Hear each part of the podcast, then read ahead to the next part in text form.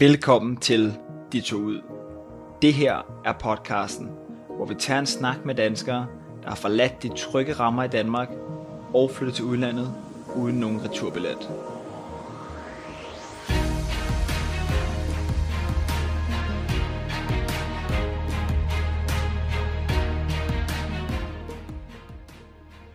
Tanken om at tage ud og bo i et andet land permanent har altid fascineret mig.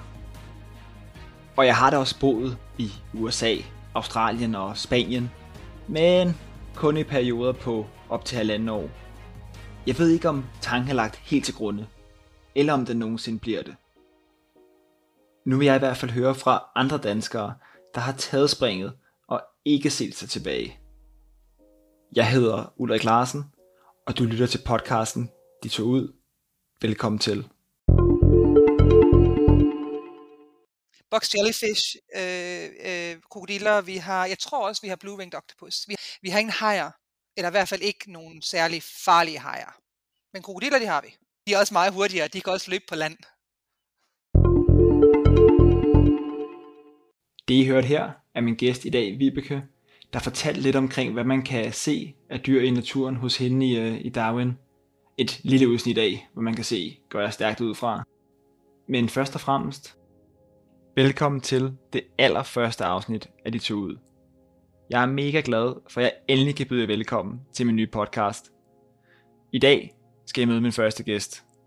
Hun hedder Vibeke Foss og bor i Darwin i det nordlige Australien. Jeg tænkte, hvorfor ikke bare komme så langt væk som muligt fra starten af? Og Vibeke har været i Australien i 22 år. Hun flyttede til Darwin tilbage i 1999, og der har hun simpelthen hængt ved siden. Hun er født i Aalborg i 1969, men har en, øh, en ret international baggrund, kan man vist roligt sige. Hun er nemlig opvokset på Grønland, hvor familien flytter til i 1976, men Vibeke vælger så at flytte tilbage til Danmark i 1986, altså 10 år efter, for at begynde på øh, gymnasiet i Horsens. Efter en årrække i Danmark har Vibeke nogle år i slut 90'erne, hvor hun skifter mellem at bo i Danmark og i Grækenland. Heller ikke nogen øh, dårlig idé, men ender som sagt med at flytte permanent til Darwin i 1999. Det skal vi høre mere om nu, og nu kommer Vibeke med her. Velkommen til, øh, til podcasten. Tak skal du have. Det var hyggeligt at være her. Det er fedt at have dig med, og det er, er stærkt, du har mod på det. Du er den første gæst, vi har i, igennem her på, øh, på podcasten jo. Men jeg synes, du har en, øh, en god og stærk historie. Okay. Men øh, bare lige til at starte med, hvordan, hvordan går det? Det går stille og roligt. Det er lige blevet weekend hos dig. Ja, og det er meget varmt. Jeg tror, vi har 31 grader. Det er meget pænt. Hvordan er det, øh, er det meget normalt, sådan en øh, oktoberdag her? Ja, på den her årstid, det er jo en af, en af de varmeste tider på året, vi overhovedet har. Fordi vi bare har masser af varme, masser af fugtighed, masser af skyer og ingen regn. Og det er sådan, sådan er det det meste af året, eller svinger det lidt? Sådan fra, det er vel ikke ligesom Danmark, hvor man har de her årstider med sommer, vinter og efterår? Nej, vi har to, to årstider hernede. Vi har øh, den tørre sæson, så the dry season, og så har vi den våde sæson, the wet season. Og det er det. Ja. Øhm, og nu er vi lige gået ind i det, der hedder the build-up, det vil sige fra september hen til måske november, der er det bare, som jeg siger, så er det bare vildt varmt, omkring gennemsnitligt 32 grader, tror jeg, omkring 80% fugtighed, overskyet hele tiden, og så ingen regn, men når vi så kommer tættere på jul, så begynder det så at regne, og man får sådan lidt mere, øh, masser af monsunregn, og masser af, af jeg vil ikke sige kulde, for det får vi jo så ikke, men det, det, det køles lidt ned her, her, hernede i Australien. Eller i hvert fald heroppe i Darwin, men nede i Australien. Ja. og hvordan, øh, hvad, hvad er klokken hos dig nu? Det er ved at være aften, tænker jeg. Det må man sige. Den er 18.53. Så, Sådan. Øh, så der, der er alligevel en 6,5 time, 7,5 time tidsforskel må det være. Ja. Her til, øh, til Danmark. Ja, fordi I lige går ind i, I går over i vintertid, ikke? Jo, om en uges tid, tror jeg, først. Ja, om en uges tid. Lige... Okay, ja. fordi vi, vi har ikke vintertid og sommertid i Darwin. Det har de andre steder i Australien, men ikke her, hvor jeg bor. Okay, det, det svinger lidt. Det har de nede i, øh, nede i Sydney, hedder det ja. hos dig, tænker jeg. Ja. Nede i Sydney og i Melbourne har de vist også, øh, men i Darwin og så på andre steder, eller i Northern Territory og så på andre steder, der har de ikke. Okay. Lad, lad os prøve lige at få placeret Darwin i Australien. Ja. Det ligger øh, meget nordligt, kan man sige. Helt. Det er svært at komme meget længere nordligt. Du kan ikke komme længere nordpå. Og hvordan det... ellers? Så, så lige midt i landet? Nordligt? Sådan, ja, helt nordpå, og så ja, lige i midten. Sådan mellem Queensland på vores højre side, som er jo selvfølgelig til øst, og Western Australia, som ligger på vestsiden. Så er vi sådan lige midt imellem, allerøverst op. Sådan. Der, er, der er et par australske øer, som ligger lidt mere nord for, hvor vi er, men der er ikke, øh, det er ikke det helt store beboelse, der er der. Okay. Ja.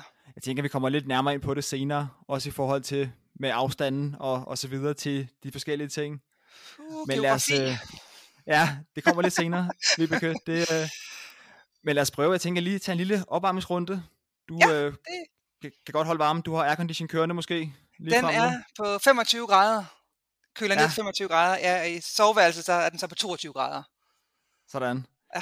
I, øh, I mellemtiden er det ved at blive vinter her i Danmark jo. Jeg sidder og kigger ud af, af vinduet i København, og det er overskyet, regner og 8 grader. Så øh, vi skal lige have varmen til at starte med. Så en, en lille hurtig runde. Du behøver ikke tænke så lang tid over de her spørgsmål. Det er bare sådan meget overordnet, hvor vi ja. lige kommer i gang. Så uh, here we go. Hvis du kunne vælge at lave hvad som helst en dag i dit liv, hvad skulle det så være? Så tror jeg gerne, jeg vil stå i et eller andet lokale bare og lave chokolade. Ja. Ja. Bare, altså sådan noget specielt chokolade, eller vil det ja, være... fyldte chokolade og flødeboller, sådan, sådan lidt frelsenagtigt, men måske, måske lidt, mere, øh, lidt mere luksus. Ikke at frelsen ikke er luksus, men sådan lidt mere i den anden luksus ende af, af chokoladen. Ja. ja. Så det var noget spangsbær noget? Det ved jeg ikke, om du har Ja, har jo, jo, spangsbær, det er ikke jo. Ja, det gør Der ligger et, ligger et, et outlet lige ved siden af, hvor jeg bor, så det er noget, vi, vi ofte kører her. Altså, det er ærgerligt, at man ikke kan sende det her ned, fordi alt det smelter ja. bare, inden det kommer herned. Det kan jeg godt sige dig. Ja, det må kræve lidt at få sendt det, sendt det ned til jer. Ja, jeg har engang, jeg har engang stået og har taget, øh, hvad hedder det, øh, pålægtschokolade med tilbage, og så er det smeltet, og så stod jeg simpelthen med en, med en, med en ostehøvl og høvlede det her forbandede pålægtschokolade. Ja, sådan er det. Sådan. Ja. I, øh, jeg har kun tre opvarmningsspørgsmål. Nu kommer okay. der to her. Ja, det er fint. Hvis du, hvis du kun måtte spise én ret resten af dit liv, hvilken ret skulle det så være? Risengrød. Risengrød? Ja. Også, øh, ja, det er stærkt svar. Ja, det er det. Også, det, er, det også, holder. Øh, I har jo nærmest en kronisk, det man i Danmark vil kalde kronisk hedebølge, ikke? I, øh, i Darwin. Altså ja. nærmest, nærmest 30 grader hele året. Jamen, det tror jeg er risengrød, men du, du bad jo om en ret, du, du bad ikke ja, om ja. et så jeg tror, det skulle være, jeg tror, det vil være risengrød. Ja, sådan. Og på steg smad, hvis man ja. kan vælge to. Så. Det kan man godt køre som okay. kombi måske. Det, det kan man godt ja. køre som kombi, ja. det, jeg, jeg, tror, jeg, tror, man, jeg tror, man kan tillade sig nogle ting, når man også har, har været væk herfra lidt længere periode. Ja. Øhm, sidste spørgsmål. Ja. Hvis du kunne bo hvor som helst i verden, hvor skulle det så være? New York. New York? Ja. Og hvordan kan... Har du været i, i USA en del, eller hvordan? Nej, jeg har ikke været der en, en del. Jeg har kun været der en gang, og det var i godt en måneds tid på ferie i øh, 2013 eller sådan noget, hvor jeg var i New York. Og det var okay. det mest helt fantastiske. Jeg er ikke så sikker på lige pt. det er det bedste sted at hen, men, øh, men jeg tror, det skulle være New York før, før corona. Ja. ja. Hvordan, du vil ikke, du vil ikke savne klimaet i forhold til, det er noget andet. New York minder måske lidt om, om Danmark i forhold til, til Darwin. Det er jo det. Det er jo det, der er det gode ved det. Jeg kan, ja, godt, lide, jeg kan godt lide for, jeg, du får, jeg kan rigtig godt lide for fire årstider. Jeg synes, det er dejligt med noget forår og noget efterår, noget, noget mørke og noget slud og noget regn og noget blæst. Det, det, ja, jeg ved godt, det er ironisk, at jeg så bor her øh, i, i solskin 365 dage om året, men, men jeg, jeg er glad for fire årstider. Men hvordan ender du så i Darwin? Hvis du siger, at det er ikke, det er ikke ligefrem klimaet, der måske har, har trukket dig personligt. Ja, det er sådan lidt af en, en omvendt vej. Min veninde, min bedste veninde og jeg, øh, Rikke, vi tog til Grækenland en gang i, jeg tror det var i 95, bare vi tog sådan en afbudsrejse, og så var vi dernede noget tid, og så valgte vi ikke at rejse tilbage til Danmark, og vi startede med at arbejde, og så mødte jeg den her, den her græsk australier, som, som man jo så går hen og bliver forelsket i, og han kommer og besøger mig i Danmark, og så rejser han til Australien, og jeg tager herned og besøger ham i nogle måneder i 96, og så i, i sommeren 96, så mødtes vi så i, i Grækenland igen, og var der frem og tilbage i nogle år, flyttede til Danmark, og han synes at Danmark var det lige lovligt kølig. Lidt for koldt for hans øh, australske sensitiviteter. Og så da hans, øh, hans søster så skulle gifte sig, valgte vi så bare at flytte herned. Det var meget Hvordan? impulsivt. Ja, det var meget impulsivt, men det kan man jo godt, når man er i slutningen af 20'erne. Ja, helt klart. Jo... Men I, I, I havde faktisk en årrække så, altså nærmest ja. Øh, to-tre to, år, hvor I kørte skiftevis mellem øh, Grækenland og, og Danmark? Mellem Grækenland og Danmark, og så boede vi så, jeg tror vi var i Danmark i en halvanden års tid, inden vi, inden vi kom herned. Øhm, han, arbejdede, han fik noget arbejde, det var ikke svært for ham at finde arbejde, og, men det var kanon svært for ham at lære sproget. Og det er også fordi, at hver gang vi så var sammen med mine venner og sådan noget, så talte vi jo engelsk. Det var jo meget, det var jo meget naturligt. Så han fik ja. jo aldrig lært sproget. Så, så jeg tror, han var glad for at komme, komme tilbage til Australien, men vi gik så fra hinanden uh, to år senere, tror jeg. Okay. Så, så I flyttede tilbage der til, til Darwin sammen i ja. 99? Ja. Ja, og, og bor så sammen et par år, og så, ja. øh, så går I hver til sit i 2001, må det være? Det gør, øh, nej, jeg tror faktisk, det var senere. Jeg tror faktisk, det var i... Uh, så går, vi kan sige to år senere, men det har nok nærmere været... Jeg tror faktisk, det var 2003. Det har nok været senere end det så. Okay. Hvor vi, øh, vi skulle faktisk have været gift, og det hele det var planlagt, og kirken og det hele var booket hjemme i Danmark. Og så kunne det godt være, at jeg måske fik lidt koldfødder, så det blev ikke til noget. det blev ikke til noget. Okay. Ja. Og, og hvordan, øh, da I så går fra hinanden der i, i, i starten af nullerne, overvejer du at komme tilbage til Danmark, eller...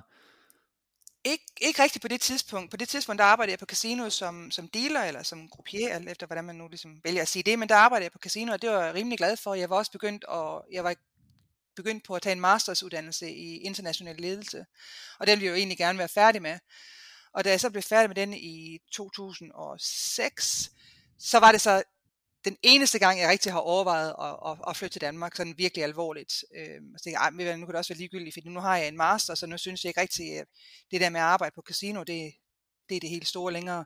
Men så fik jeg så et godt arbejde hernede, og så blev jeg glad for at være, det, være på universitetet, og der har jeg også været i forskellige roller lige siden, og så også studeret igen efter det.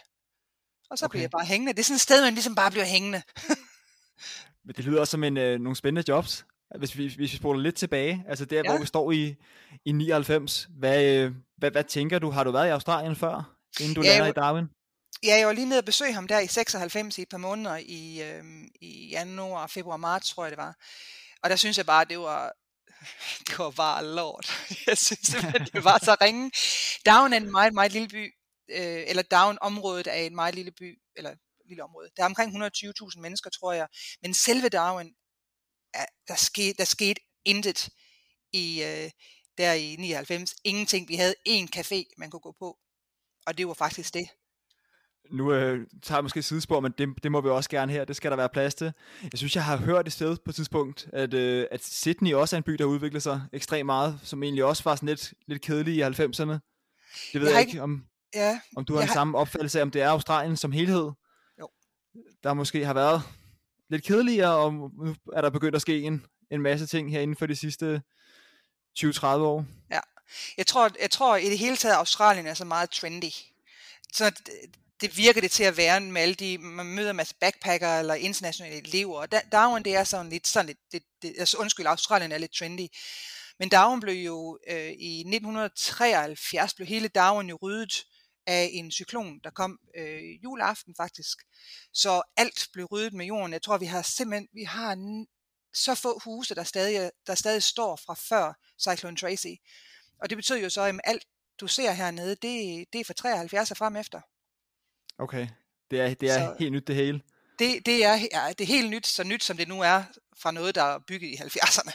det, det er ikke... Øh, hvordan er, altså, hvordan er, jeg har jo selv boet i, i Australien, det, jeg var jo en kort periode i Brisbane, og så boede jeg i Sydney et års tid, Og man kan sige, bare imellem Sydney og Brisbane, der er jo noget forskel i, hvordan husene er. Øh, jeg synes, Brisbane er jo meget det her, også et begreb i Australien, vi ligesom kalder under the house. Det er ligesom sådan en, jeg ved ikke, om man kan sige, det er en kælder, men huset er ligesom sat på nogle, nogle pæle, hvis vi tager de der helt traditionelle Queenslander ja. huse. Ja. Er det det samme, vi har i Darwin, eller hvordan ser, ser øh. husene sådan generelt ud? Altså det der, så vi, det du så siger med hus på pæle, det er så det, vi kalder elevated houses.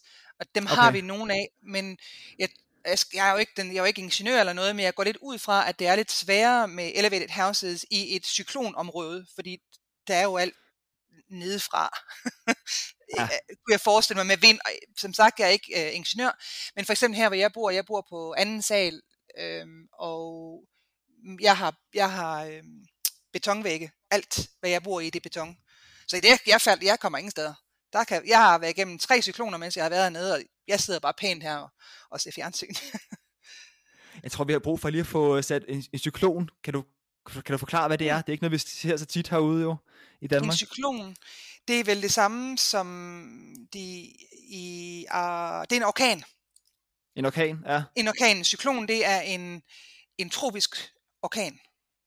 Ja. Så lidt, lidt vildere end de her, det ved jeg ikke, 30 meter per sekund, eller hvad vi har i Danmark, når, ja. når vi lige synes, vandstanden bliver hævet lidt, og, og det kommer i medierne og det hele. Det er noget andet, det ja. her. Ja, jeg kan ikke huske, hvor meget Cyclone Tracy var, men jeg tror, det var omkring 180 km i timen, øh, da øh, det, det der måle, den der måledebut ude i lufthavnen, ja. den, den øh, blev revet med. Det var okay. det sidste, det var det sidste, så vidt jeg kan huske. Altså nu var jeg her jo ikke, men øh, så vidt jeg ved. Hvor tit, øh, hvor tit har I de her cykloner? Ikke, ikke så tit. Øhm, normalt, altså jeg tror, vi har haft tre i den tid, jeg har været her, og det har ikke været noget, der har rykket så frygteligt. Vi har haft rigtig mange øh, træer blev jo rykket op med, med, med, med alle deres rødder. Alt det kommer jo bare op, og det bliver jo smidt ned, og vi har jo, vi har jo hus, der, der, der, bliver, der mister tage og sådan noget, men ja, jeg tror, vi har haft tre de sidste 20 år, hvor jeg har været her. Og sidst, sidst vi havde en, det var i 17, tror jeg. 17 eller 18. Og den var, den var pænt stor. Der var der områder af dagen, der ikke havde elektricitet i knap, jeg tror, 10 eller 14 dage. Hold op. Og så, er det, og, så, og så er det i marts, hvor der bare er så varmt. Det er helt utroligt. Jeg, jeg, havde, jeg havde ingen problemer. Jeg havde fin elektricitet, så jeg sad bare der, fordi alle vores universitetet, det lukker jo. Så jeg sad bare herhjemme og så Netflix, der havde rigtig dårlig samvittighed, fordi jeg var en af de få, der stadig havde elektricitet. Ja. Hvordan øh, i forhold til Darwin, hvordan bor du? Bor du omkring centrum, eller bor du i, hvad man kan kalde forstederne? Jeg bor i en, øh, i en nordlig forstad, Ja. Øh, tæt, helt tæt på, jeg arbejder på universitetet, så jeg er helt tæt på universitetet. Darwin er omkring 16 km væk. Og det er Darwin University, eller hvad hedder det? Øh, Charles Darwin. Jamen, det er jo tæt på Charles Darwin University, ja. Det, det er nemlig rigtigt. Så alt, alt er meget tæt på her. Det er også derfor, det er så nemt. Øh, og jeg tror, det er derfor, der er mange folk, specielt her under corona, der faktisk er flyttet til Darwin, fordi de jo har fundet ud af, at de kan jo arbejde hjemmefra. Så de behøver, ja. du behøver ikke længere at bo i Sydney eller Melbourne eller Adelaide eller Perth. Du kan jo bare flytte til Darwin og arbejde herfra. Det er, det er stærkt. Hvordan, øh, jamen altså, dit, dit første møde, som du siger, det var, det var sådan lidt indtryk af, at det var en lidt kedelig by, men ja. du var heller ikke så excited, eller hvad, over, Ej, var, over klimaet? Ej, altså klimaet, bet, altså, et, klimaet betyder som egentlig ikke så meget. Jeg tror, øh, det, kan man så, det kan man lære at leve med. Men jeg tror, det var, det var hårdt i, der i, i 90'erne og i starten af 0'erne, at det bare var så kedeligt. Mm. Øhm, men det hjalp jo selvfølgelig, at jeg arbejdede på, på, øh, på casinoet, for så arbejdede jeg om natten, og sov det meste af dagen. Så det var ikke sådan, jeg havde ikke det store behov for at, at lave en masse ting, eller gå ud og gøre en masse ting, og tage ud og fest, eller gå på café, eller på bar hvis det var, jeg havde haft det behov, så var jeg nok rejst hjem igen. Okay, ja. Men det havde ja. du ligesom fået afløb for, kan man sige, i årene forinden i, uh, i Grækenland der. Ja, Lille smule. og, øh, men hvad med, hvad med job? Altså det er jo, jeg, jeg stod jo lidt selv i samme situation, det er så fem år siden, hvor vi fik det, man kalder sådan en working holiday visa. Mm-hmm. Og øh, der boede mig og min kæreste i Australien et års tid, nede i, øh, i Sydney, ja. som er jo en helt anden klimazone end, end hvor vi er nu i, i Darwin. Men hvad med dengang i slut 90'erne der? Var der noget, der hed Working Holiday Visa, og hvordan kom du ind og, og fandt arbejde?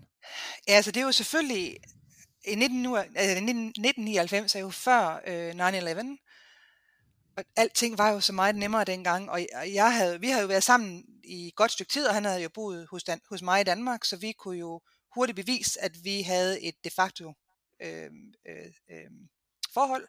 Så jeg søgte bare om at få, øh, få opholdstilladelse på, mod at jeg kunne bevise selvfølgelig, at jeg var hans kæreste. Der var ingen problemer med det overhovedet.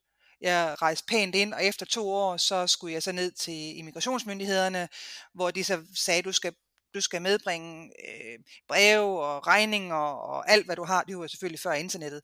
Alt, hvad du har, er bevis for, at I stadigvæk bor sammen. Og jeg tog bare masse regninger og breve fra mine forældre og kort og hvad man ellers havde, ned til dem. Der var en dame, hun kiggede det bare lige igennem. Og så jamen det er fint. Så siger jeg, skal du ikke have kopi? Nej, nej, det er ligegyldigt. Nu har jeg set dem, det er nok. Og så fik jeg min opholdstilladelse. Ingen... Og det betyder, og det er også øh, arbejdstilladelse samtidig? Arbejdstilladelse. Og... Jeg havde arbejdstilladelse, øh, da jeg kom.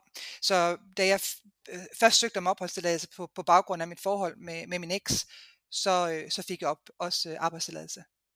Okay. Det skal bare lige have igen. Du havde en arbejdstilladelse, inden du, inden du kom derned? Ja. På grund af jeres, øh, jeres forhold? Ja. Ja. Og det var noget, du havde skrevet til de australske myndigheder om? Jamen, inden, jeg, eller hvad det? Jamen, jeg søgte bare om et, jeg søgte bare om visum.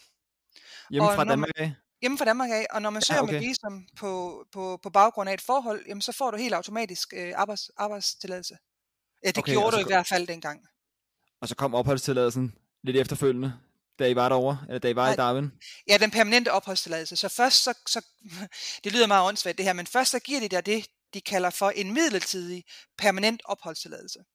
Ja. Så det, er sådan, det, det var det første, jeg fik. Og så den midlertidige permanente opholdstilladelse. Efter to år skal du søge, kan du så søge om den permanente opholdstilladelse.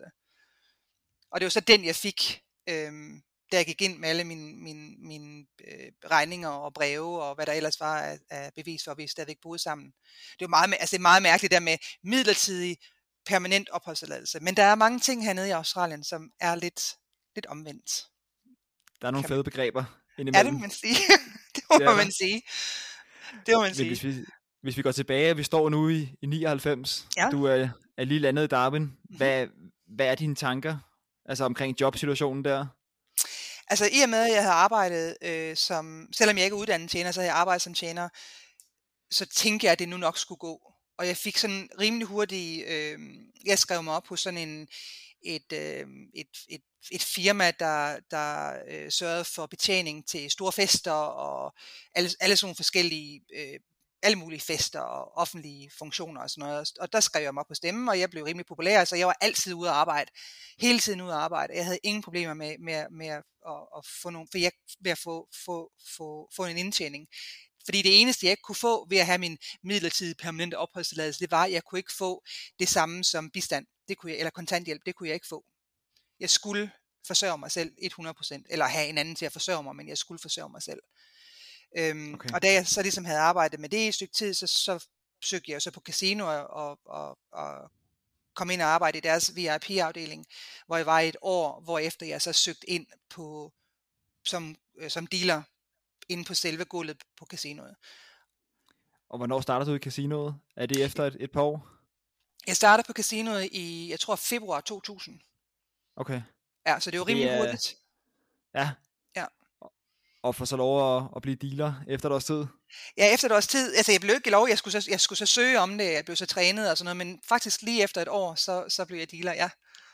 Er det en større ting, det her med casinoer i Australien, og det her med at en... spille i forhold til Danmark? Altså, jeg, jeg ja. ved ikke, jeg tror, jeg bor selv i, i Ørestaden, hvor jeg optager fra nu her. Vi har jo Casino Copenhagen liggende, ja. få kilometer væk, men ja, så vidt jeg ved, så ligger der ikke rigtig andet i Danmark, eller, eller der må du jo, rette mig, hvis, hvis jo, du gør det. Jo, det så. Ja. Der er der casino i Aalborg, der er der casino i Aarhus, casino det, vi, vi, vi kan ud det her. vi starter lige forfra. Men øh, er, der, er, der, er, der, er der forskel på, øh, på det her med at, at spille i Australien, tror du, og, og Danmark, eller er det nogenlunde mm. den samme kultur, der er omkring det? Nej, jeg tror, der er meget, meget stor forskel. Da vi startede, og det var faktisk indtil corona ramte der sidste år, så var vores casino her i Darwin øh, 24 timers casino. Det vil sige, at du altid kunne komme ind og spille på spilmaskiner. Og det er der rigtig stort, altså det er helt vildt stort hernede, og der er forskellige på pubs og på clubs og øh, alle mulige forskellige steder er der bare spilmaskiner. Det er virkelig stort. Og så vores øh, selve spillebordene, de plejer så at åbne til frokost. Og så i hverdagen lukkede de klokken, omkring klokken halv fire, kvart i fire, og i weekenderne, så det vil sige lørdag og søndag morgen, der lukkede de så kvart i seks. Men spillemaskinerne var 24 timer i døgnet. Det, det, selve det med, med gambling og sådan noget, det er rigtig stort hernede. Og det er ikke noget at være stolt af. Men hvordan med, med dealer? Hvilket spil øh, var det? Jeg tænker poker og sådan nogle ting. Jeg ved ikke, hvad er det? Øh, mit første spil øh, var faktisk roulette. Normalt der er, det, ja. der er det blackjack, for det er lidt nemmere at lære som, som første spil. Men mit, det var faktisk roulette. Og så dealede jeg blackjack bagefter, og så dealede jeg baccarat, som faktisk er det oprindelige James Bond-spil. Øh, skal jeg bare lige bare lige sige. Sådan, ja, det er øh, men ikke poker. igen. Ja. ja, det er oppe i tiden igen, men ikke poker. Øh, poker, det har jeg altid sagt nej tak til at spille, fordi jeg ikke bryder mig om pokerspillerne. Undskyld, hvis der er nogen, der er pokerspillere.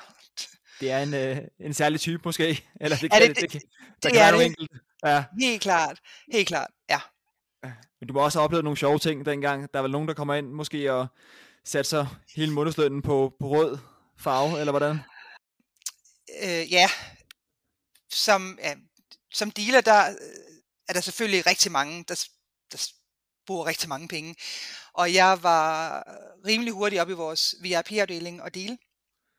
Og det var nok at gøre med, at mange af vores VIP's, de vil, gerne have, de vil gerne have kvinder, der skal dele for dem, af forskellige kulturelle og overtroiske årsager. Og, så jeg var tit op at dele, og jeg kan huske, at jeg havde næsten lige lært at dele baccarat. og så skulle jeg øh, op og dele sådan her kæmpe, kæmpe øh, funktion og så var der en anden, der havde, havde, han havde sat et bed på bordet, og det var sådan en kæmpe, kæmpe bed, så han havde, han havde bedet, jeg kan ikke huske, om det var 74.300 dollars, eller om det var 73.400 dollars. En af dem. Øh, og på Baccarat, hvis han vandt, og der var alle mulige andre også, der spillede selvfølgelig på samme tid, hvis han vandt, så skulle han have det, det beløb tilbage, minus 5 procent.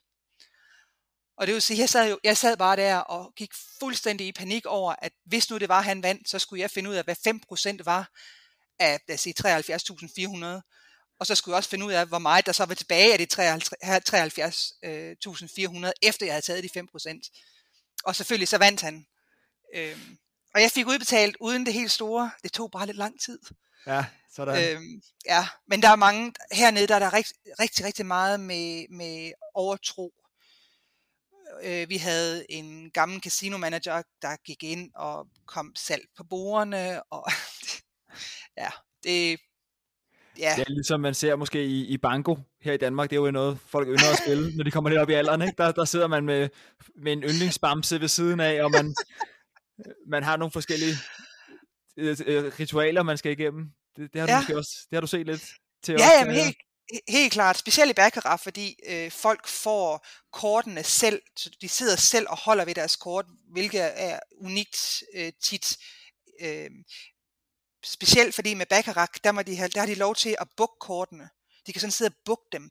Og så sidder de sådan og bøjer hjørnerne, de forskellige fire hjørner, fordi jo længere det tager dem for at finde ud af, hvad det er for nogle kort, de har, jo mere spændende er det for dem, og folk de står ved siden af, de står og råber, og de kigger, og de bøjer de her kort, og jeg sidder bare og siger, helt ærligt, jeg skal snart på pause.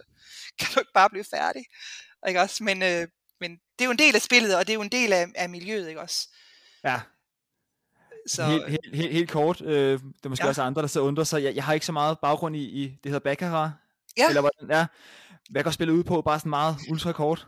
Øh, ultrakort, så er Baccarat et kortspil, hvor øh, der er to øh, båse på bordet. Der er det, det hedder, jeg ved ikke, hvad det hedder på dansk, man så undskylde, men det, det hedder bank, og så er det en player. Og du vælger bare at spille på enten banken, eller bank og player. Du vælger, hvad for en du vil spille, og så er det sådan set 50-50, øh, om du vinder eller ej. Jeg trækker kortene øh, og lægger dem ud på bordet. Du har ikke lov, du, som, det er ikke ligesom blackjack, hvor du kan sige, at jeg vil have et kort mere, jeg vil have et kort mere, eller ikke flere kort, eller du er split kortene bliver dealet efter et helt, helt specielt, øh, det vi kalder et tableau, et helt specielt øh, system, Så lige snart jeg trækker det kort, så, så er kortene bare, som det er rigtig svært at forklare. Det er ligesom, du flipper en mønt, okay. heads or tails. Ja, 50, så, 50, så, det er, så det, er, det er næsten ligesom roulette, så at sige. Det, ej, altså, altså okay. Chancemæssigt, uh, eller hvad? Yes. Ej, fordi på roulette, der har du, hvis du sætter, hvis du, hvis du better på øh, øh, nummer 1 for eksempel, så har du en ja. i, i 37, 36, 37, 37 chance for at vinde, ikke? Ja. ja. På Baccarat, der har du faktisk 50% chance for at vinde. Og det er jo derfor, casinoet blev nødt til at tage kommission. Vi tager 5%, når banken vinder. Okay. Fordi ellers så vinder vi jo aldrig. Hvis du har 50% chance for at vinde, og vi har 50% chance for at vinde, så er det jo sådan en standoff. Ja, ja. Så det, det er rigtig svært at forklare det her. jeg tror, jeg tror, du er med på det. Ligesom roulette, hvis vi lige ignorerer de der 37 tal og siger, at det kun handler om, om, om rød ja. og sort måske, eller et eller andet. Ja, ja, rød og, ja hvis du, ligesom at spille, det er ligesom at spille rød og sort. Ja. Nej, det er ligesom at øh, spille rød og sort. Hvor længe var du dealer så? Det var jeg i 11 år, men kun 11 år helt øh, øh, sammenlagt, men i 2006, der startede jeg på universitetet øh, fuldtid, så der gik jeg så over at være, øh, til at være afløser på, på casinoet i stedet for. Og hvornår startede du studierne, sagde du? Så min, min master, den startede jeg i 2002, okay. tror jeg det var. Og den blev færdig med i 2006, og så startede jeg med at arbejde på universitetet i 2006, og begyndte så at studere igen, jeg tror i 2010, hvor jeg studerede jura. Og, og hvordan gik det sådan første gang, du skulle ind på universitetet i, øh, i Darwin der? Var det sådan lige til? Var det ligesom at, at starte på, øh, på Aarhus Universitet eller Aalborg? eller? Nej, det tror jeg ikke. Øhm, jeg, har ikke jeg har ikke gået på universitetet derhjemme. Jeg har gået på laborantskolen i Aarhus. Det holdt ikke så længe, men jeg prøvede der. Øhm, nej, jeg kan bare huske, at jeg gik ud og snakkede med en eller anden, øh, en eller anden, en eller anden fyr ude på universitetet og sagde, det var det, jeg havde gjort. Det er det, jeg har arbejdet med og siger, jamen så skal du da ind på det her. Jamen okay, og så var jeg inde på studiet. Så fungerer det ikke helt længere, skal jeg så lige hilse at sige, men øh, det gjorde det dengang. Ja, det er rigtigt. Jeg kunne, jeg kunne godt forestille mig, at der er meget i dag, man skal krydse af med ECTS-point og, og alt det ja. her, som vi, vi kender hjemmefra. Altså jeg tror, altså altså CDU, som det er så, nej, jeg skal nok ikke sige CDU, det er sådan lidt som et tysk politisk parti, men uh, Charles Down University er jo ikke et af de helt store, fine, gamle universiteter, som nede sydpå for eksempel, ikke også? Så vi tager måske, vi tager måske dem, der ikke har altid så gode karakterer. Så okay. vi er ikke så svære at komme ind på. Hvad, hvordan, hvad er din oplevelse? Nu arbejder du på universitetet i dag, du er ja. i, i klageafdelingen. Ja, det gør jeg. Er det øh, meget internationalt universitet? Ja. Charles det, Darwin her? Ja, det er, det er rigtig, rigtig internationalt. Vi, men det hænger jo rigtig meget sammen med, at Darwin i sig selv er jo helt fantastisk multikulturel. Og det er jo, det er jo helt klart øh, afspejlet i vores, i vores øh, elever, også på universitetet. Vi, har, vi er det, der hedder dual sector. Det betyder, at vi har universitetsuddannelserne, så vi har alt fra øh, ja, fra bachelor og op efter, men så har vi så også alle de øh, trades, så det vil sige, hvis du vil være elektriker eller mekaniker eller øh, smed eller hvad det nu end kunne være, så har vi også den slags uddannelser, som man kan komme ind på. Og vi har, selvom folk de tror, det er sådan en lille bitte sted, men vi har faktisk omkring 25.000 elever, så vi har pænt mange elever. Men der er jo så stille, fordi mange af vores elever er online, specielt i coronatiden, ikke også? Ja, så er der ikke øh, det helt store. Er du stødt på, på danskere også? Ja, altså, ja. Der har læser, ja. Det, jeg kan huske, for da jeg først startede, der var jeg jo international elevrådgiver. Øh, og der havde jeg lige fået den her nye elev, og vi har så snakket, og de har så fortalt, åh, men øh, min mor, hun hed også Vibeke. Nå, okay, men hun kommer og henter mig her lige om lidt. Åh, fedt nok. Ude på gangen, og så mødte jeg så moren, øh, som også er Vibeke, og hende er jeg stadigvæk gode venner med, og der er en gruppe, der er en gruppe på omkring, vi er en fire stykker, som mødes øh, pænt ofte, og, og sådan hygger og snakker dansk, og klipper juleklip. Det kommer her om, om en måneds tid eller sådan noget, skal vi klippe juleklip. Ja, det skal vi også ind på lidt senere, det her med den danske for, forbindelse. Ej, jeg, jeg tænker bare lige at dykke lidt mere ned i det her med, med du starter på universitetet med arbejde i, ja. øh, i 06. Ja. Hvad startede du med i position der? Jamen der var jeg international elevrådgiver, øh, og ja. det betød så, at jeg tog mig af alle de øh, elever, som kom udefra. Så det vil sige, at de kunne komme fra Kina, fra Nepal, fra Danmark i øvrigt, fra, fra Canada, Indien, whatever. Vi havde omkring, på det tidspunkt havde vi omkring 55 forskellige nationaliteter, bare inden for de internationale elever. Der havde vi omkring 55 forskellige nationaliteter. Hvordan var fordelingen på universitetet i forhold til Australier versus internationale? Øh, wow. Ja, det, i, i higher education, så det vil sige bachelor op efter, uha, det kan jeg ikke sige. Øhm, det er en, Men der var... der var nok til at ansætte mig og, og en kollega. Okay. Ja, det er sjovt. Det er også en god baggrund, du har haft i det job, tænker jeg. Altså, du kommer jo også ind som international, og kan, kan vejlede med nogle af de ting, man måske støder ja. på i starten. Helt klart. Også med altså meget af det, der sker hernede, når du kommer ind, som du så, så selvfølgelig ved, i og med, at du har haft et uh, working holiday visa, så ved du, at de, vis, de visumer, de kommer jo med en masse forskellige øh, for, øh, forpligtelser.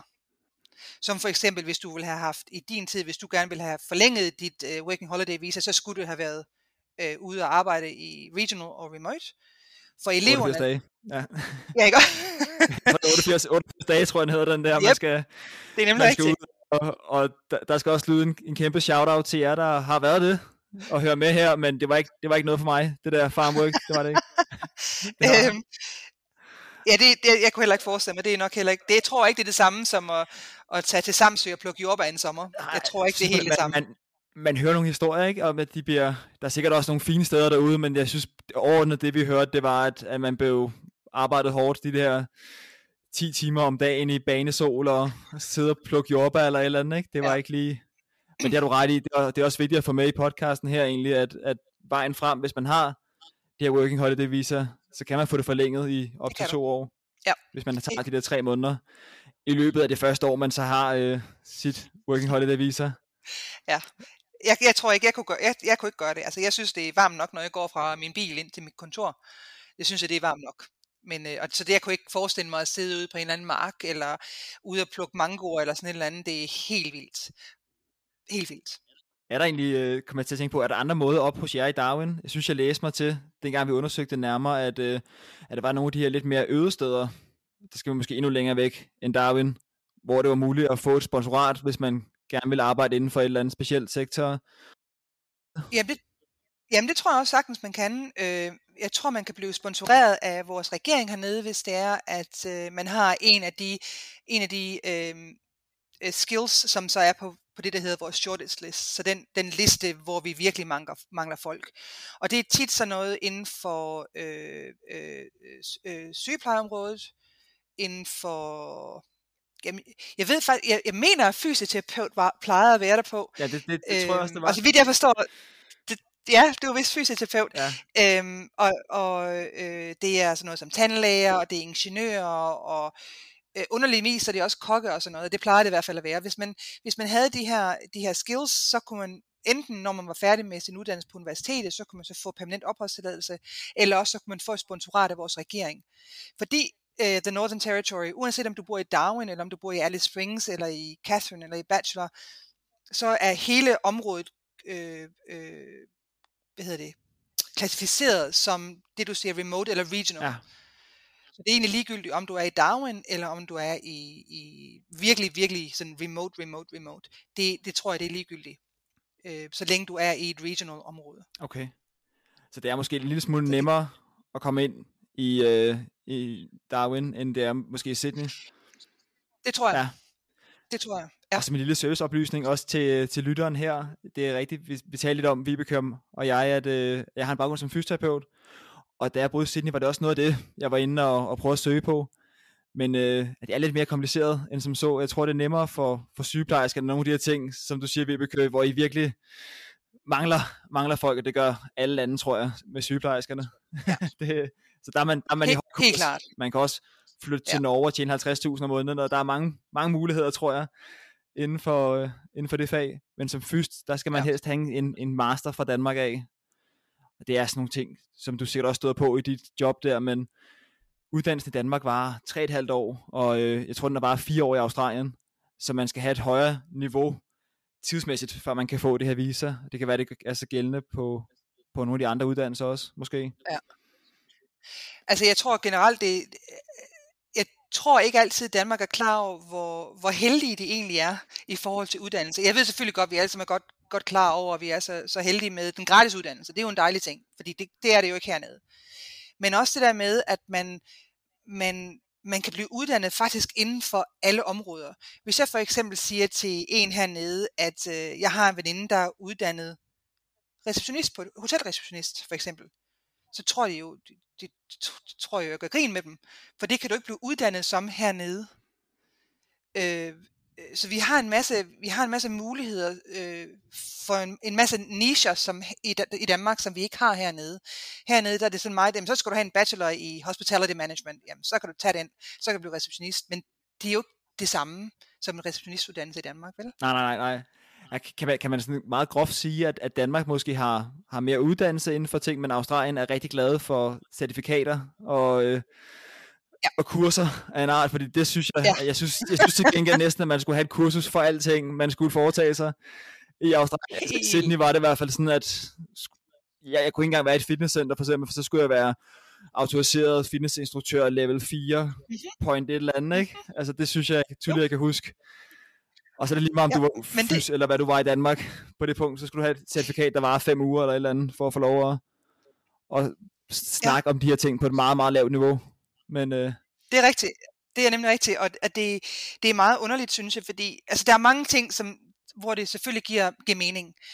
Nu hvor jeg arbejder, jeg arbejder med, fordi vi har jo også de, de der, øh, vi har under folk, der er under 18 år, som studerer. Men det betyder så, at i det øjeblik, jeg kommer i kontakt med nogen, der er under 18 år, så skal jeg have et bevis på, at jeg er ok til at arbejde med folk under 18 år, jeg ikke er kriminel, eller hvad der ellers er forskellige afarter. Inden, inden, ikke også? Så, det, så skal jeg så søge om det, og så skal jeg både tjekkes af politiet og alt muligt, for jeg kan få lov til at arbejde med, med dem, der er under 18. Og vi taler ikke om, at jeg skal arbejde med børn. Det er bare det, at jeg skal arbejde med folk, der er under, eller jeg skal engagere mig med folk, der er under 18. Så hvis du skal for eksempel ind og arbejde på en bar, nej, jeg vil gerne være bartender, så skal du have det, der hedder Responsible Service of Alcohol Certification. Ja, here we go. Fordi du skal så... har, I, har I også det derhjemme? Nej, nej, nej, nej men det, det, er bare, det lyder bare som, det kan, jeg, kan, jeg kan genkende det, det her med, at altså, skal man have krydset nogle forskellige ting af. Ja, fordi du skal være i stand til at kunne se lige nøjagtigt, hvornår folk er for fulde til at drikke længere. Ja. Fordi du må ikke gå på bar og blive fuld. Du må ikke servere for en fuld person, åben, åbenbart. Ja. Ja, men det, jeg kan godt forstå, hvor det kommer fra. Hvordan, hvordan er sådan selve barmiljøet, hvis der, nu, hvis der nu sidder nogle unge, nogle der er yngre end os, jeg er jo i starten af 30'erne, og du var født i, i 69. Ja, men jeg er snart 52, det må du godt sige. Fik du lov at sige selv, ja. så, ja, men det er, sådan. Ikke, det er ikke noget, jeg skammer mig over. ja, men øh, der er måske nogen, altså mange af de her på Working Holiday, de er måske helt nede 19-20 år, ikke? I starten af, af 20'erne i hvert fald. Ja. Hvis de sidder derude og tænker, hvordan er bylivet i Darwin? Altså, er det ligesom Sydney og Melbourne? Altså, det er ikke så trendy som Melbourne, for eksempel, fordi Melbourne er åbenbart meget, meget trendy. Øhm, og jeg har været i Melbourne en masse gange, og jeg holder meget af Melbourne. Øhm, men det kan også blive for meget, ikke? Altså, jeg kan huske at komme derned, og jeg var ude og få kaffe med, med, med en kammerat, og så fik han en dekonstrueret øh, kaffe og jeg har aldrig nogensinde set, og det er jo nok fem eller seks år tilbage, ikke? Også, og han fik jo så noget, noget kaffe, og så fik han noget vand, og så fik han noget koldt mælk, og så fik han et glas med isterninger. Sådan. og sådan. Og så sidder jeg jo bare der og tænker, hvad fanden blev der af bare sådan almindelig filterkaffe? Jeg drikker ikke kaffe i øvrigt, så det var sådan lige... Men jeg sad bare sådan helt fuldstændig, fuldstændig paf. Øhm, så de er meget trendy dernede, og det er ikke fordi Down ikke er trendy, vi er trendy på en anden måde vi er sådan lidt mere øh, laid backet. Ikke? Mm. Så det vil sige, altså vi har jo de fine, vi har jo fine ginbar, og vi har jo det ene, og vi har det andet. Så du kan sagtens komme herop, og der er vildt natteliv inde i byen.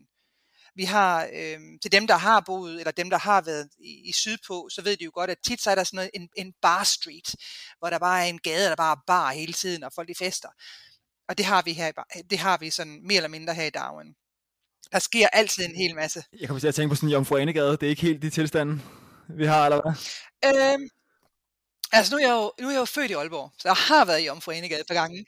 Men øhm, ej, ikke helt som Jomfru men, men ikke helt, ja, sådan lidt samme, det er lidt større her, det er lidt bredere, det er ikke en gågade, der kører biler og sådan noget, ikke også, men hvor der bare er bar efter bar, og restaurant og takeaway, og på hver side af vejen.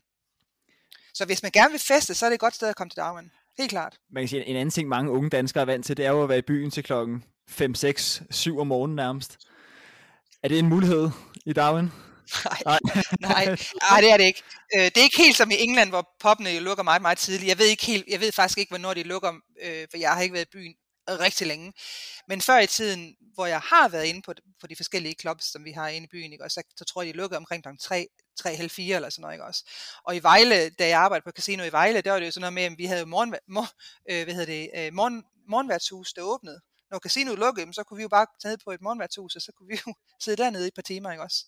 Det, kunne de slet ikke, det har de slet, slet ikke hernede. Nej, nej, nej. Overhovedet ikke. Det er, også en, det er også en god idé, kan man sige. Altså, det ved jeg ikke. Altså, det, det, det, er rart, det er jo rart, at vi har været igennem det begge to måske. Jeg, jeg er jo fra København, du er fra Aalborg, og der har været mange muligheder for ja. de her ting. Men, men det, jeg lagde mærke til i corona, det var jo også det her med, at, at uh, der begyndte de at lave nogle restriktioner med, at det skulle lukke kl. 12 og kl. 2 ja. og sådan noget, og det gør jo bare, at man starter tidligere. Så det må være opfordringen, hvis I flytter til Darwin. Start, start øhm, tidligere. Og kom, start tidligere, kom hjem også. det er rigtigt. Det er jeg glad for dagen, dagen efter. Det gør man. Det gør man især, fordi man så skal ud og overleve varmen. Ja. Det er altså ikke rart med tømmermænd. Det er ligesom at vågne i et telt på Roskilde måske. Det, er... det har jeg ikke prøvet, men det kunne jeg forestille mig. Jeg har vågnet i et telt på Indelave. Det er næsten det samme. Ja, jamen det er den der lidt dehydrering ikke? Og, og hovedpine, typisk. Jo. Ja. Øhm, men hvordan, hvordan, altså var der andre, var der nogen kulturschok, da du kommer fra, øh, fra ja. Danmark til Australien? Er du, helt klart, er du så fa- Jamen, det var der virkelig, fordi specielt i 99, hvor der jo ikke var så meget her, ikke? Også, jeg kan huske, jeg var, øh, jeg, jeg blev overfaldet hernede, øh, jeg havde ikke været, eller jeg, for, jeg blev forsøgt overfaldet, min, øh, jeg havde ikke været hernede ret længe, og så var jeg, var der så en, en en anden fyr, som han var både fuld og høj, og jeg ved ikke, hvad der ikke var galt med ham, som forsøgte på at komme efter mig med en, sådan en, øh, en flaske, der blev smadret. Men så kom min kæreste, så det gik godt. Og det var også helt fint, at det var ikke, og det var, men det var, ved, det var ved højlys dag, det var til frokosttid på en hverdag.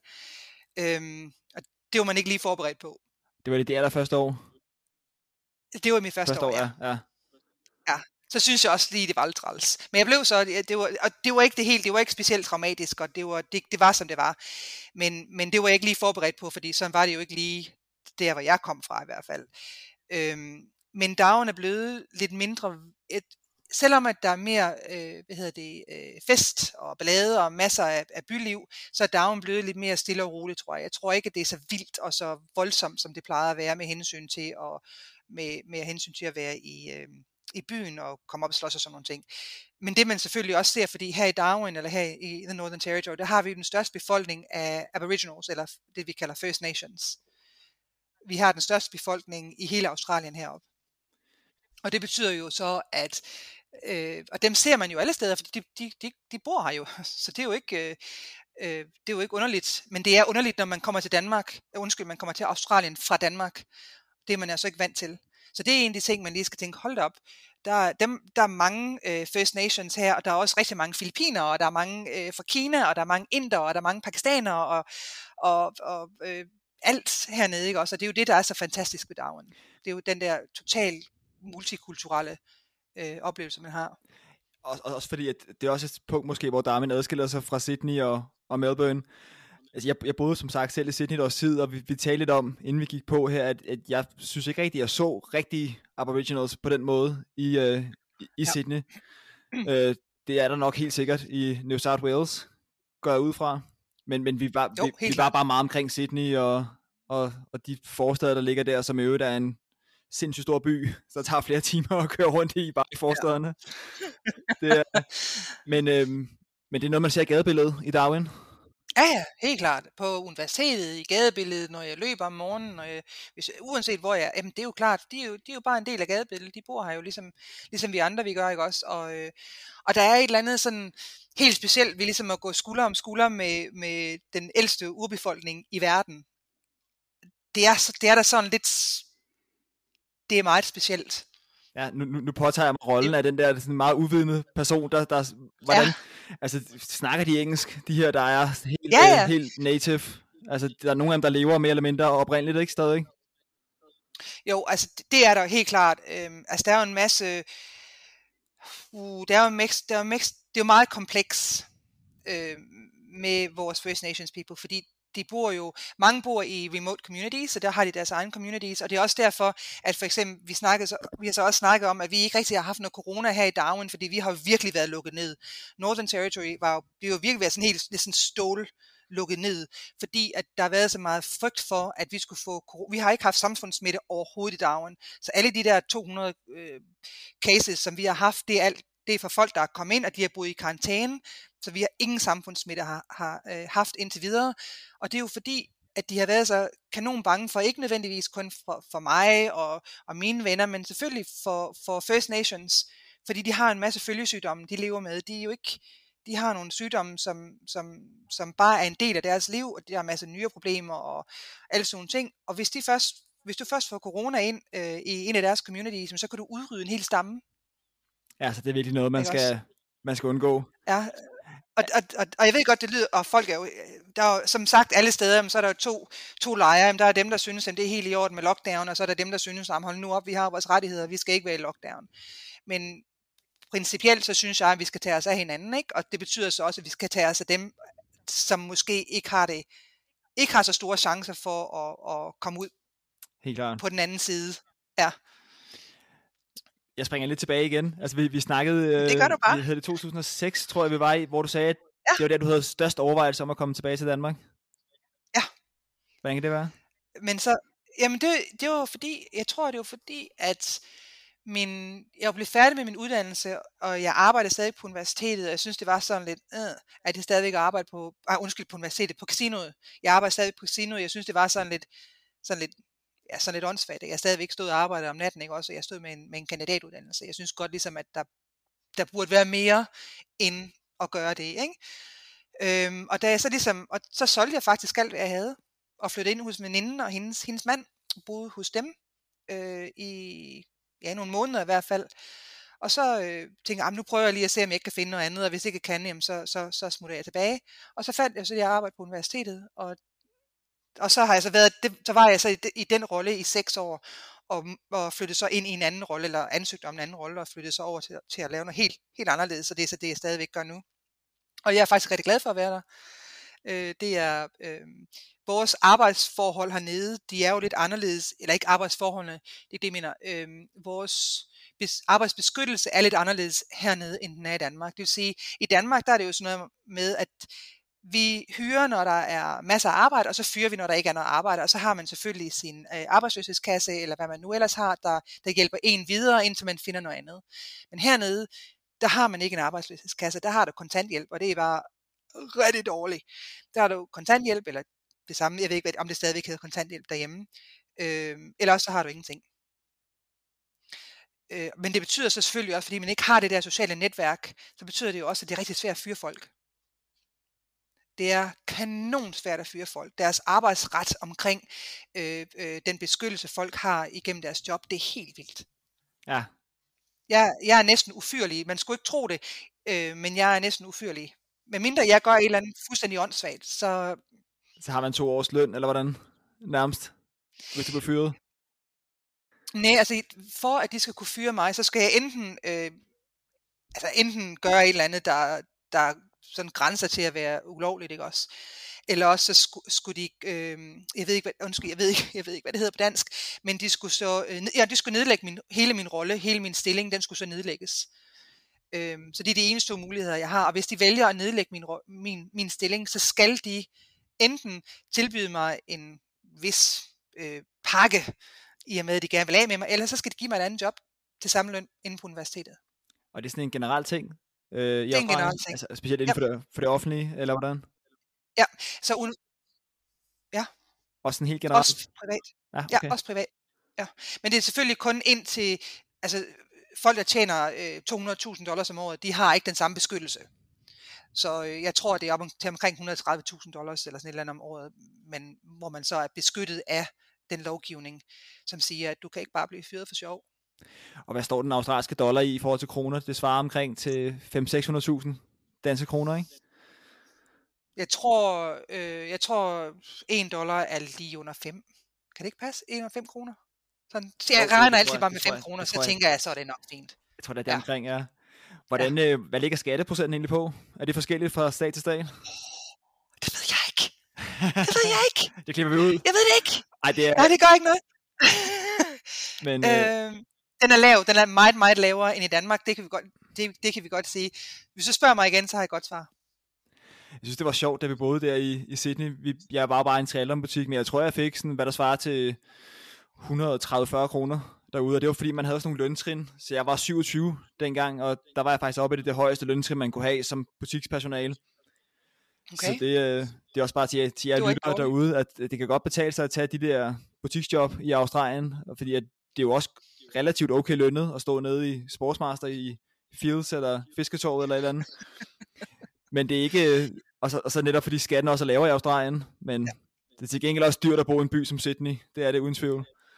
Ja, og så får man jo heller ikke, man skal også huske på, at selvom skatteprocenten er så lav, så er den jo så lav, fordi du ikke rigtig får noget, ja, ja. som man har i Danmark. Ikke også? Du, du misser jo en masse ting. Og I, I skal huske øh, tegne ja. en, en privat rejseforsikring, når I rejser afsted i hvert fald. Det første år tid eller to, det skal man have. Det skal ja. man have med i bagagen. Helt klart.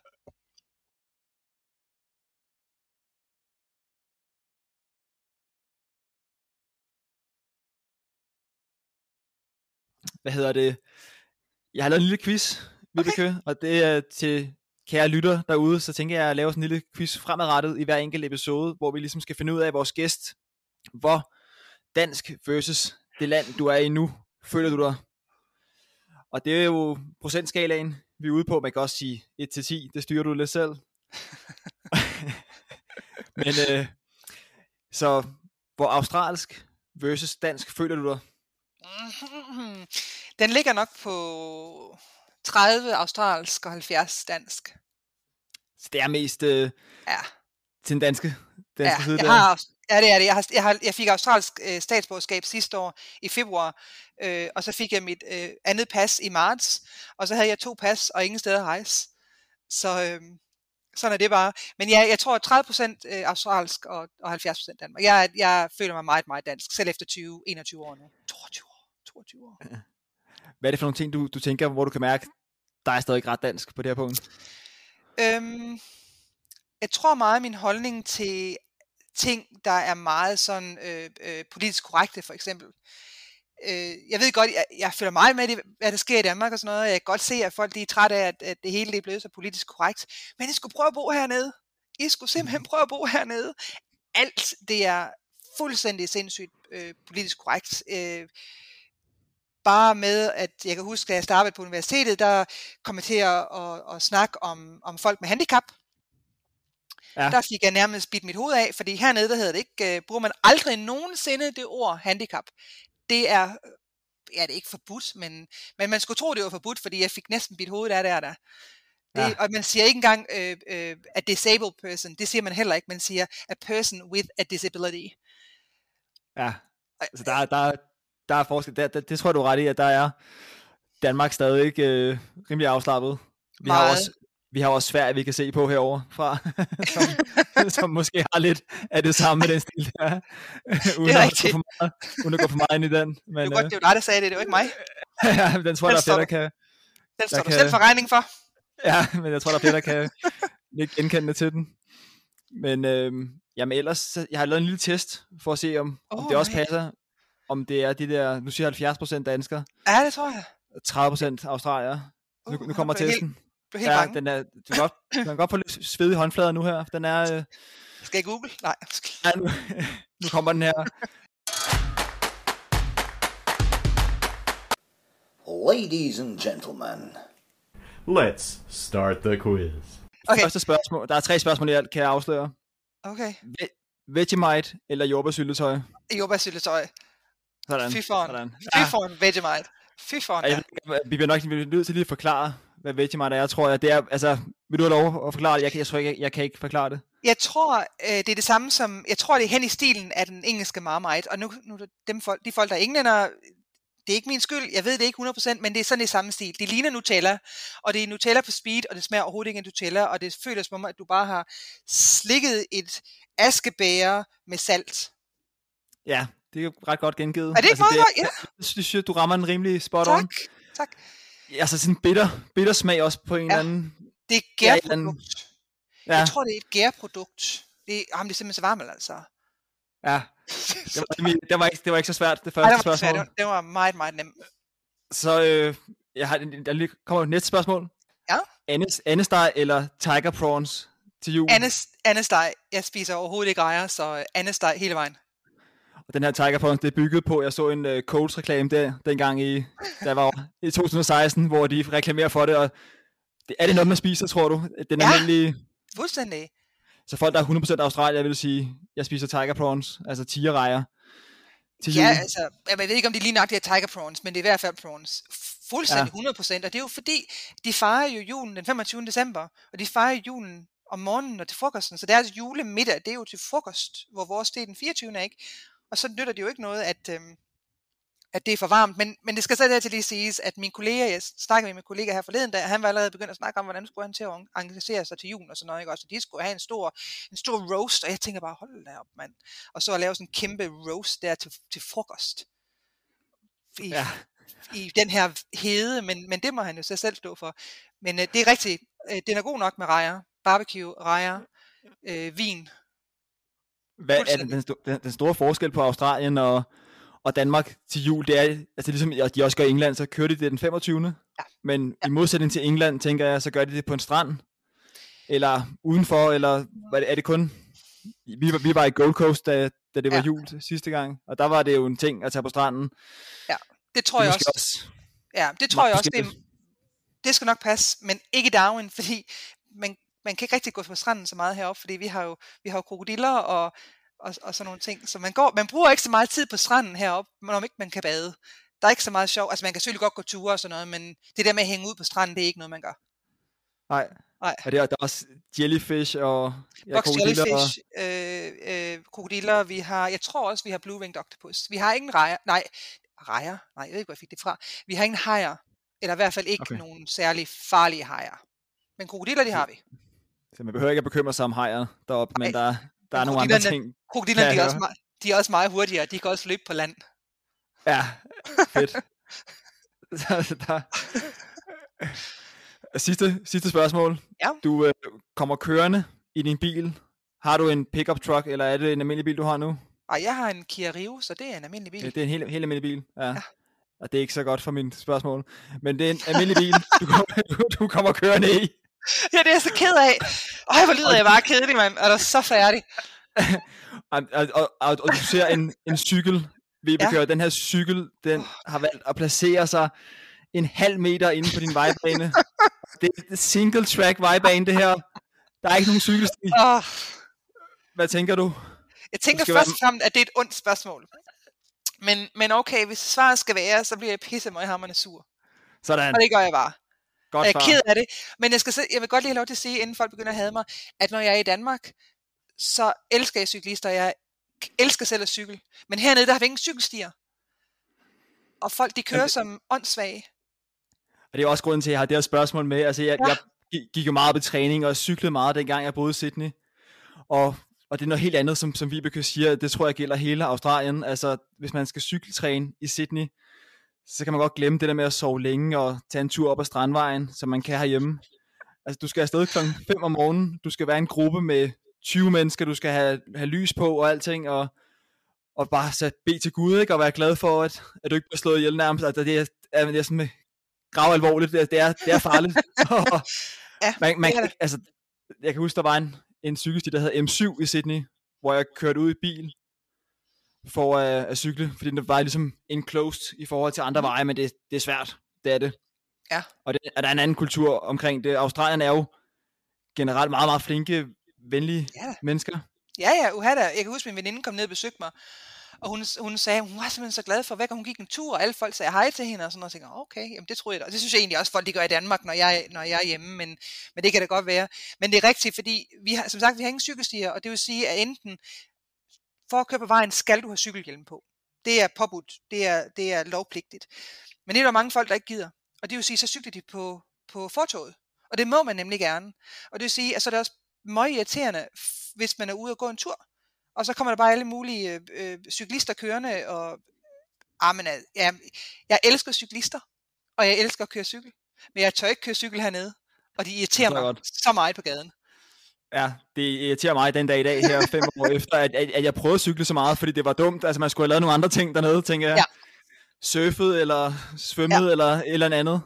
Ja. Men, øh, og det er også derfor, jeg har spørgsmålet med, og du øh, scorer faktisk ret perfekt her. Du scorer 66 procent dansker, får jeg dig til, og 33 procent australier. Var det det? Fordi du stillede mig tre spørgsmål, gjorde du ikke? Og så stillede du mig et ekstra spørgsmål, og det vil sige, at så er vi jo lige pludselig oppe i, i, i ah, det var, det var kun, det var kun, vi, havde, vi havde den her med Vegemite eller jordbær, så ja. havde vi andesteg eller ja. tigerrejer, og ja. så havde vi den med cyklen. Åh, oh, var der ikke det var andet? Kun, det var kun tre. Okay, jamen, så er det? Jamen, så er jeg tæt på. Det er helt så fint. Det, det, det, du rammer øh, skiven fuldstændig. du, sagde selv, du sagde selv 70% dansker ja. og 30% australier, så det har vi lige fået konstateret, og der, der ligger du ret fint egentlig. Så kan jeg sove godt nat. Ja, ja, din egen selvopfattelse er korrekt. Men hvad er, dit for, hvad er dit øh, relation til Danmark ellers nu her? Altså jo jo, men jeg har jo, alle min familie er jo i Danmark. Jeg har jo øh, min bedste veninde bor i Danmark, og min helt fantastiske guddatter bor i Danmark. Og jeg har to niæser, som er også helt vildt dejlige. Og min bror, og min, min, min, min svigerinde, og min far. Så jeg har hele min familie i Danmark. Jeg har kusiner. Jeg har ingen familie hernede. Det er kun mig og mine to katte. Det lyder rigtig sørgeligt. 52 år, to katte, og bor alene. Det er jo dejligt. så jo, jeg har, jeg har øh, al familien derhjemme, og jeg, jeg forsøger på at snakke med, med dem sådan forholdsvis ofte, men det er jo også svært, ikke? Også fordi, som du selv ved, med hensyn til at skulle arrangere for du og jeg, og, og skulle snakke, ikke? Også, det er jo, skal være nøje for fri for arbejde, og du skal også være sikker på, at du ikke skal noget, så det er mest i weekenderne, hvis det kan lade sig gøre. Ja. Øhm. Ja, og, og hvor tit besøger de? Altså, hvor tit får du besøg af familien? Uh, ja, det har jeg ikke haft. De har ikke været forbi? Altså din far på et eller andet tidspunkt? Eller? Nej, fordi da jeg øh, flyttede herned, der arbejdede min far stadigvæk på Grønland. Og han øh, var så arbejde på Grønland, min mor boede i Danmark, og så kom han så til Danmark, når han havde fri fra arbejde. Han arbejdede på en, på en øh, meget, øh, apropos, en rejtråler. øhm, og i 2003, i, i december 2003, der døde min mor. Og der fortsatte min far jo så med, med at arbejde på Grønland, og der han så flyttede til, Dan- til Danmark og blev pensionist. Jamen, så var det jo der med at rejse, og det der med engelsk, og det var også en lang tur, og eller så blev det bare aldrig rigtigt til noget. Så vi skyper i stedet for, og øh, min, min, en rigtig god veninde, jeg har, har faktisk været nede og besøge mig. Dorte har været nede og besøge mig. Øh, hun var meget, meget imponeret. Det var hende, der var så glad for, alle, at alle australierne altid sagde hej til hende, når hun mødte dem, når hun var på tur. og min svigerinde har været inde omkring lige der, måske 2000 eller 2001, lige efter, ikke ret lang tid efter, jeg flyttede herned, der var hun nede og besøg, fordi hun var, i, hun var faktisk i Sydney, og så kom hun lige forbi. Så ellers har de ikke været hernede, så jeg prøver på at komme hjem så tit, som jeg nu kan. Men øh, nu med corona, så er det jo lidt svært, for vi kan jo ikke rigtig komme nogen steder hernede fra. Så du har været øh, låst til Darwin de sidste ja. halvanden år? Ja. ja. Jeg var sidst hjemme, øh, og det skal så også lige sige, det føler jeg mig meget sådan, øh, taknemmelig over. Jeg var hjemme til jul i 2019. Jeg var faktisk hjemme i syv uger. Så jeg, kom, jeg var hjemme i december og januar øh, 2020, kom tilbage til Australien i slutningen af januar. Og så nåede jeg lige at komme smut til Melbourne der i slutningen af februar, begyndelsen af marts, og så gik verden jo fuldstændig i stykker. Og det er, er det Aalborg stadig, der er hjemme i Danmark? Nej, nej, det er det faktisk ikke. Øh, min bror og min næser og, og, og hans familie bor i Aalborg, og min far bor på Mors. Men når jeg kommer til Danmark, så bor jeg faktisk hos min, min veninde i Vejle og min guddatter og deres lille okay. hund. Så det, det, det er rigtig dejligt, og, og det betyder også, at jeg er tæt på, at jeg kan komme til København, og jeg har mine kusiner i København, og jeg kan komme alle mulige steder. Øh, en god lille base. Og hvordan, du, du ser stadig danske nyheder også. Nu kan man jo streame ja ting, ja, det så det har du mulighed for. Ja. Fuldstændig. Øh, lytter mest til podcast, og jeg læser altså til danske nyheder hver dag, øh, bare, bare Danmarks Radio inde på, på nettet. Og så, øh, men så sad jeg faktisk her lige før, og ville gerne se den store bagedyst, og så mit v, jeg ved ikke, hvad der er galt med Danmarks Radios øh, hjemmeside og deres app, og øh, mit VPN, det ved jeg ikke, men den vil bare ikke lade mig se den store bagedys, så det skal jeg lige arbejde på hen over weekenden. For jeg har lovet min, eller min guddatter, at jeg skal se alle afsnit, inden vi skal snakkes ved næste lørdag. Stærkt. Og podcast? Hvad hører du af podcast? Øh, jeg er rigtig glad for Mørkeland. Det er ja. en af mine favoritter, det må jeg indrømme. Jeg ved godt, det, det, er, det har været sådan lidt, øh, lidt op at køre med, om folk de synes, det er i orden, at man ligesom går så meget ind i, i de forskellige øh, sager, som de nu har gjort, men jeg synes, de gør det helt vildt godt. Og så selvfølgelig Sara-monopolet. Det var jo før i tiden masser af monopolet, men nu, nu er det jo Sara-monopolet. Og så lytter jeg til genstart for ligesom at, at følge lidt med der. En ny favorit, det bliver jo nok de to ud podcasten her, som du er med i nu. Det bliver en favorit ja, fremadrettet. Det, bliver det, det, tænker, det tænker ja, jeg. Fuldstændig. fuldstændig. Ja, men øh, jeg synes, det har været fedt at, at have dig med, og tak fordi du havde, havde mod på det, inden vi slipper dig helt, Vibeke. Hvis du kunne øh, jamen, overtage min rolle et kort øjeblik, og stille dig selv et spørgsmål, jeg ikke har været inde på. Hvad kunne det være? Øhm, det er nok to spørgsmål. Ja. Hvad er det mest underlige ved at bo i Australien? Sådan rent, om der var noget kulturschok, da jeg flyttede herned. Og så hvad er det bedste ved at bo i Darwin? Ja. Så hvis jeg så selv skal svare. ja, men lad os, lad, os, lad os starte med at sige, øh, vi kan vente den om og sige, hvad er det bedste ved at bo i Darwin? Det bedste ved at bo i Darwin, det er, at det er simpelthen så multikulturelt. Altså det er helt fantastisk. Du, du møder jo hele tiden konstant mennesker fra andre kulturer og helt andre steder i verden, og det er helt fantastisk at være om, øh, om hvad hedder det, øh, hvad hedder det? Omgivet? Eller? Omgivet, det er lige nok det ord. At være omgivet af, af, af så mange andre øh, kulturer hele tiden. Ikke kun en gang imellem. Og jeg ved godt, at Danmark selvfølgelig også udviklet sig meget, eller udviklet sig meget her over de sidste 22 år. Men da jeg flyttede fra Danmark og herned, der var Danmark ikke specielt multikulturel, eller Vejle og Horsens var i hvert fald ikke specielt multikulturelle på det tidspunkt. Så øh, det meste det var sådan, hvis man kunne tage på sådan en kinesisk takeaway. Øh, og, og hernede, der det er jo fuldstændig embedded ind i alt, hvad du laver. Og det synes jeg er fantastisk. Stærkt. Og det, det første spørgsmål, du havde? Det var, hvad der var sådan lidt underligt, når man flyttede herned. Ja, underligt, ja. Ja. Ting, man øhm, undrer sig over. Ting, man undrer sig over. Øh, når man først flytter herned, så undrer man sig lidt over, at, at, at folk de har sådan meget stille og rolig øh, syn på de forskellige dyr, der er hernede. Ikke? Så det vil sige slanger og æderkopper og alle sådan nogle ting, der ikke også. For man kommer jo hjemmefra, og så tænker man, hold op, der er bare krokodiller og æderkopper og kænguruer og alt muligt alle steder. Men det er der ikke. det er der altså vidderligt ikke. Øhm, så det var en af de ting, jeg, jeg synes var, var mest underligt. Jeg havde virkelig forventet at komme herned, og så er der kænguruer på gaderne og krokodiller i stræderne, og hvad har vi? Men, men sådan var det jo så bare ikke, vel? Du har, men, du har ikke set du har ikke set det meme, der var på Facebook på et tidspunkt. Der var et billede af en, af en skov. Der var, man kunne ikke se andet end bare træer. Og så stod der, på det her billede, er der 10.000 dyr, der kan slå dig ihjel. Altså, det er måske meget sigende, fordi er det, er det ikke nogle små krabater, mange af dem, der... Jo, oh, det er det. Øh, det. Det er rigtigt, at der er, der, jeg tror, der er rigtig mange farlige ting i Darwin og i Northern Territory, eller generelt i Australien. Men du bor jo inde i en stor by. Det ved du jo selv. Du bor i Mosman. Der, der, ja. Altså selvfølgelig er der æderkopper inde i, inde i huset en gang imellem. Det er selvfølgelig ikke rart, når man som jeg er enormt arachnofobisk, men det er, hvad det er. Men, men det er jo ikke sådan noget med, at der, der står en krokodil og venter på dig, når du, når du åbner døren om morgenen, eller, eller der er en kænguru på vej på arbejde. Altså, sådan er det jo bare ikke. det, er godt, det er godt, du siger det. Det, det, det billede, jeg havde af det, da du sagde det her med krokodillerne. Jeg tænkte sådan, jamen så skal man lige have fat i kosten, når man går ud af hoveddøren, ikke lige få den fra indgangen der. Men det er ikke Ej, sådan, dog det, ikke. Dog ikke, men altså, men, men når man går ned, hvis man går ned, jeg bor en fem minutters gang fra stranden, og hvis man går ned på stranden, og man går sådan langs stranden, og man kommer ind i, hvor der er lidt mere øh, sådan, øh, lidt flere træer og sådan noget, ikke også, øh, så er der krokodillefælder. Øh, okay. Så det er der. Hvordan ser, altså, så, hvordan ser en krokodillefælde ud? Den er sådan, øh, det er sådan meget lang bur. Det er sådan en ja. kæmpe lang bur, og så er der bare sådan meget, øh, meget simpelt fælde med sådan et, øh, ja, et, en lille lås, der, der lukker ned, hvis den kommer derind og så ligger de, ligger de føde derind. Ja, det er ikke det hele. musekasse af en art, ja. hvor man så fanger ikke, den. Ja, det er ikke specielt teknologisk udfordrende, det der. Det kan jeg godt sige dig. Jeg vil også sige, også, også til lytteren, hvis der sidder nogen derude, der tænker, at Australien er et fantastisk land, hvilket det kan vi holde enige om, det er begge ja, ja. to. Fuldstændig. Men, men måske er bange for dyr og tænker, at jeg skal, jeg skal ikke bede om at komme i nærheden af en, af en slange eller et eller andet, så kan man generelt godt være rimelig sikker på, at man ikke ser det, medmindre man opsøger det at tage ud i, i outbacken ja. eller et eller andet.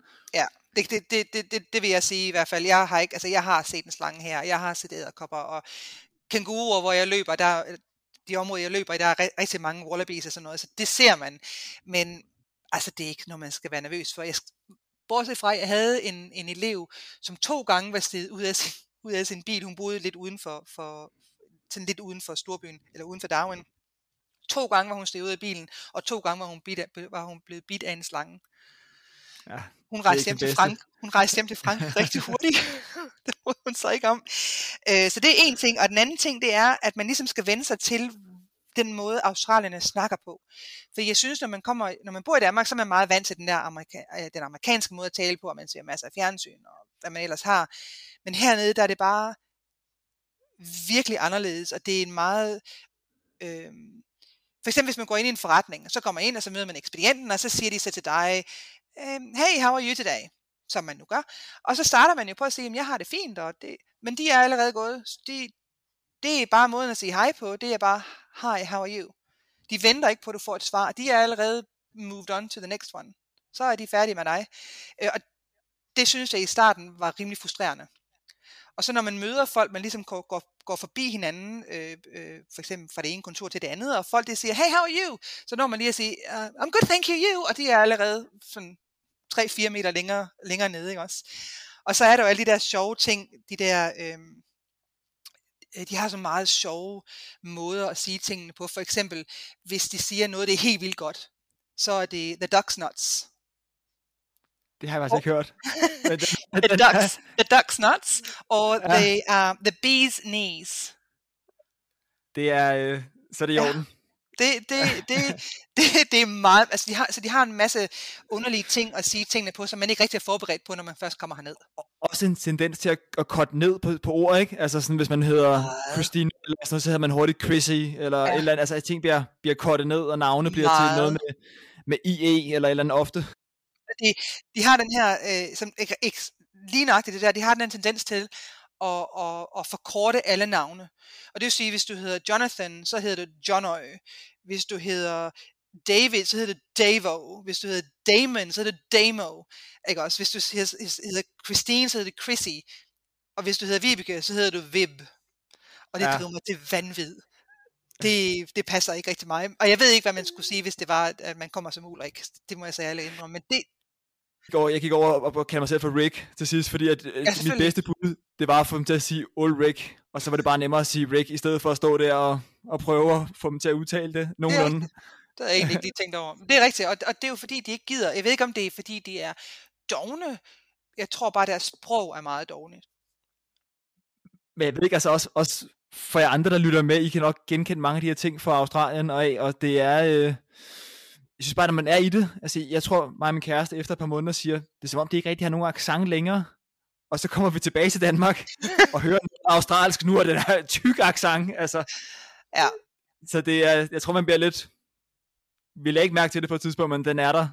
Meget. Det er uden og det, kom, og det kommer også an på selvfølgelig, hvor man, hvor man, hvor man bor henne. Ikke? Altså selvfølgelig, jo længere ind i landet du kommer, jo mere, øh, ikke bundsk, men jo mere sådan øh, stærk bliver accenten jo ikke også, eller dialekten, når du kommer ind midt i landet, og så har du selvfølgelig ude på kysten, der er de sådan mere øh, forfinet i deres tale, kan man jo nok, kan man jo nok godt se, ikke også. Og heroppe, der er det jo, vi har jo rigtig mange sådan tradies og øh, fiskere og alle sådan nogle ting der, ikke? Også fordi vi er så multikulturelle, så, så, så bliver det jo bare sådan lidt, sådan lidt anderledes.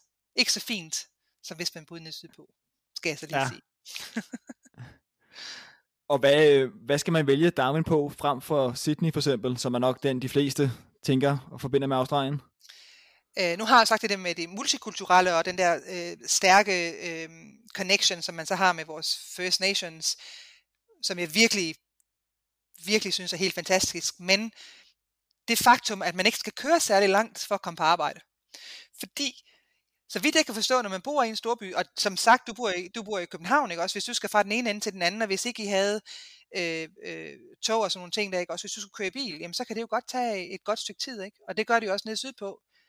Og øh, så kan jeg jo så sige, at inden vi så loggede på her, så havde jeg ikke det korrekte udstyr. Jeg skulle ind på arbejde for at hente det. Det tog mig 10 minutter at køre på arbejde og komme tilbage igen med det udstyr, jeg skulle bruge for at kunne logge på for at snakke med dig Og det er jo de muligheder, vi har her. Vi, det hele det er så nemt at komme omkring, og det er grønt, i hvert fald halvdelen af året, så er det grønt og, og rent. Det er meget, meget rent, og ingen forurening. Så kom til Darwin, det er helt fantastisk.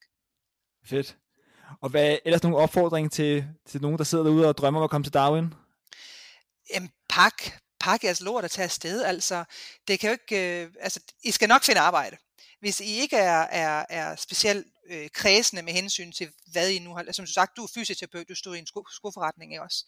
Øhm, hvis I ikke er kredsende, så kan I jo altid arbejde inde på en bar, eller på en café, eller på en restaurant. PT er der simpelthen så mange øh, ledige jobs, nøjagtigt det samme som i Danmark, går lidt ud fra, at der har været nogle problemer med at finde øh, folk til hotel- og restaurationsbranchen, og det er det samme hernede. Og hernede, der har de ikke øh, det store behov for, øh, at du skal have en, en stor øh, uddannelse som tjener. Altså, hvis du kan lave en kop kaffe, og du kan bære det hen til et bord, så skal du nok få et arbejde.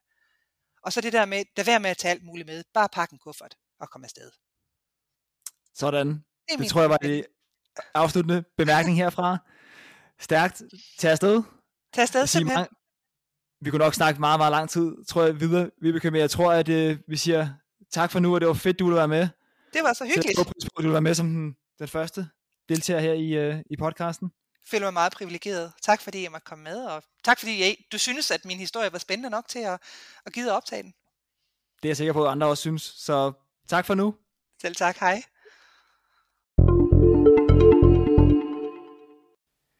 I har lige lyttet til den første episode af podcasten De tog ud.